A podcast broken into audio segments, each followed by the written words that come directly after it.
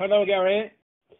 Let me first say one thing, that I have not any agenda on this. I'm not for or against Kim Andersen or anybody, but I want to cover. You know, I'm a journalist, and I want to cover the events that's happening in the world sailing. And uh, I think there is an interest uh, in the Scandinavian countries to know what's going on, and I want to be as accurate as possible.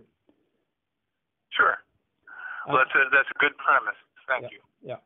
So, um, um, with regard to these um, signatures, I've actually sent an email to Kim to ask him to comment. I've said to him what I think I know, and, you know, I'd like him to have a chance to comment on it before I publish anything. Um, so that okay. Have you heard from him? I haven't heard from him. Okay. I sent it yesterday. All right. Well, we'll see. We'll see if he uh, answers. Yeah. I'm sure he has other things on his mind as well, but I think this is important, and he should respond to it. I think there are two issues that, you know, I want to hear about. One is the financial situation of world sailing, of course. Um, and also, um, you had these discussions with IOC yesterday, I suppose, that was regarding the um, events that will be leading up to the next Olympics, uh, how you can deal with uh, qualification, uh, the timing of the Olympics, et cetera. But I think also perhaps, I'm assuming, that you discussed the possibility of getting some advanced funding from the IOC. Correct. So it's unclear.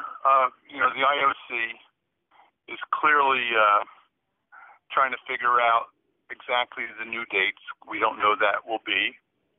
We assume it'll be next summer, a year from now.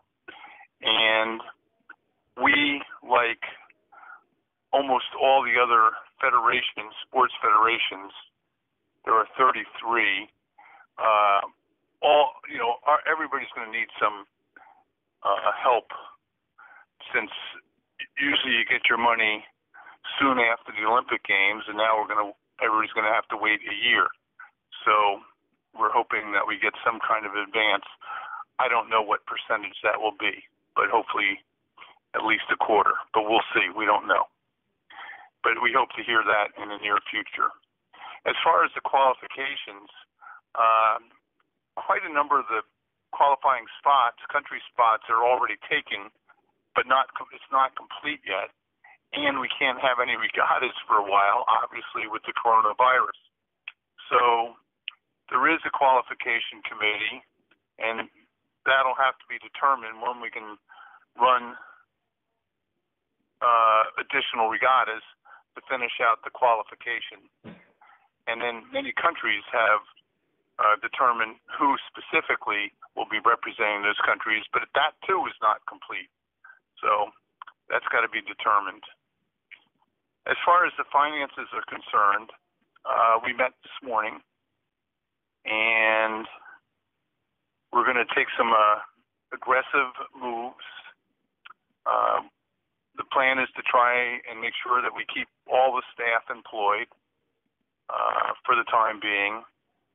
And we're gonna look at uh, our situation in London with our facility there, and that's gonna happen in the next few days, so it's hard to write about we got to talk to the landlord and see what we can arrange. It's also unclear what help will come our way by the British government.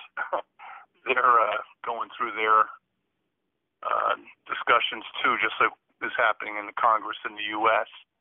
But surely we're hoping that we get some assistance too with the employees and uh, so that that remains to be seen. And then, as far as uh, events are concerned, like I said, we're on one hand, we don't have expenses for them, but we don't get revenue from them. So it's it's another thing that's gotta be sorted out in the next month or two. So I'm confident that we will get the budget so that we can continue to operate probably at a more modest level between now and the end of the quad, which is going to be a year longer than we had, but we're going to have to trim quite a bit to be able to pull it off. I understand that you have a 15-year lease on the offices in London, so it's probably not an option to uh, to find cheaper accommodation. Well, it's under discussion. You know, uh, a couple board members are going to be talking to the landlord uh, in the next few days, and we'll hear a lot more. But one of the options would be a smaller space. Another option would be to move somewhere else. Another option would be to uh, not have any rent for a year. I mean, there's a lot of options, so it's hard for me to speculate. But um, those discussions are going to happen. and, And I think the landlords in London are going to be open to uh, these discussions too. They don't want everybody leaving. You know, they need to accommodate lots of businesses and lots of others. So it's going to be an interesting couple weeks, to say the least. When when are you having your next uh, meeting uh, in in the executive committee? Do you know? April 6th. So then you will be able to draw some more conclusions um, as to what's going to happen, you know, for the. Right. I mean, that's yes, sir. I mean, that's two weeks from now, and we'll have a lot of answers and clarity, I think, by that time. So it seems like a reasonable amount of time to learn a lot more. Mm. Mm. I wish I could. I wish I could give you more definitive answers, but you know, you can. I think everybody's kind of scrambling, and you're doing all this on the phone and not in the room. And uh, you know, the the attitude on the board today was good. Uh, everybody was. Everybody was. Everybody spoke it was very uh, methodical. Uh, it's not easy connecting people from Europe and China and New Zealand and Uruguay and me in the U.S. You know, it, it's a lot of time zones to hook, and yet everybody was on the call. Everybody, and um, our discussion this morning was about two hours, I think, pretty much two hours. So. So that was a good discussion, I thought. Yeah, I you know I was worried, you know, mm-hmm. but it was it was a little bit like a sailboat race. You know, okay, you got a storm coming, but batten down the hatches and uh, try to prepare and. Not like the Parsons uh, race of 1979. No, no, that was. Glad I don't have to do that again. It was a long time that, ago. That was something. It was a tough one. But Gary, um, uh, what happens now? I mean, uh, Andy Hunt is out of the management uh, group, and he's been so for um, a few months before the um, AGM in Bermuda. Has he been replaced? Who's looking after this? Not yet. Not yet.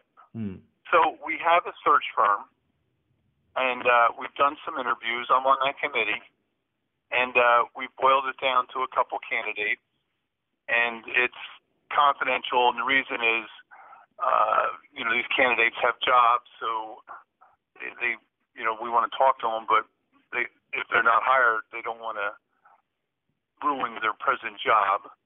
And uh, those discussions will be next couple weeks. But having said that, you know, the earliest we would hire somebody would be July. It's not going to happen right away, and we, you know we have to get the finances organized and see where we're at. And uh, so that that would be the earliest we would hire somebody. The, the situation with the signatures and everything, you said to me earlier that um, you, you would not push that too much at the moment, uh, but ine- inevitably it's going to happen, you know, end up at the ethics uh, committee of um, World Sailing. Is that it? You mean on the Kim Andersen letters that he wrote or sent on and with your sent without my permission. Right. Yeah. So uh, Scott Perry and I sent a letter to the uh, chairman and vice chairman of the ethics committee that we will have a complaint going, but we're not going to send it until uh, this coronavirus calms down. People are too busy and it's too confusing a time to get into that. Mm. So, so they know we have something, but we haven't sent it yet. Are you um, um, discussing at this point, I, I guess it's the same thing that people are preoccupied with so many other important matters, uh, the Olympics and the coronavirus, etc. That uh, elections in um, at the end of the year is not uh, is not the main issue, I suppose. Uh, well, for me, I my term ends on November first, so I'm not. I am happily not involved in the election. Same with Con Lee and Scott Perry. The three of us term out, and Jan Rogeschou, the French athlete rep, he terms out as an athlete rep uh, at the end of this quad. So four of us won't be back, and then the other five, um, they they all have to decide whether they want to run again or not. But nobody talked about it. It was too much other things. Absolutely. But you have ruled out uh, that you are a candidate. Yeah, I you know I'm I'm 70 or almost you know a couple months I turned 70 and that's my age. I've had lots of health issues over the years and I I, I kind of want to enjoy my my time here in the next five ten years and mm-hmm. I, I you know I, I don't think I could spend eight years commuting to Europe uh, with world sailing. I've done enough. So no, I'm not a candidate. Where do you think the candidate should come from? Europe or North America or Asia? Uh, well, certainly Europe uh, would make a lot of sense. Mm.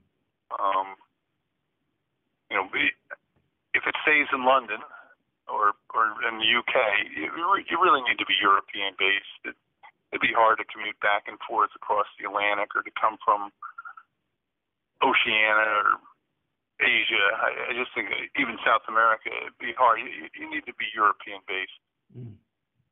I mean, you know that Gerardo Seeliger wants to run. Yeah. And has been making noise, and there's rumors of other people.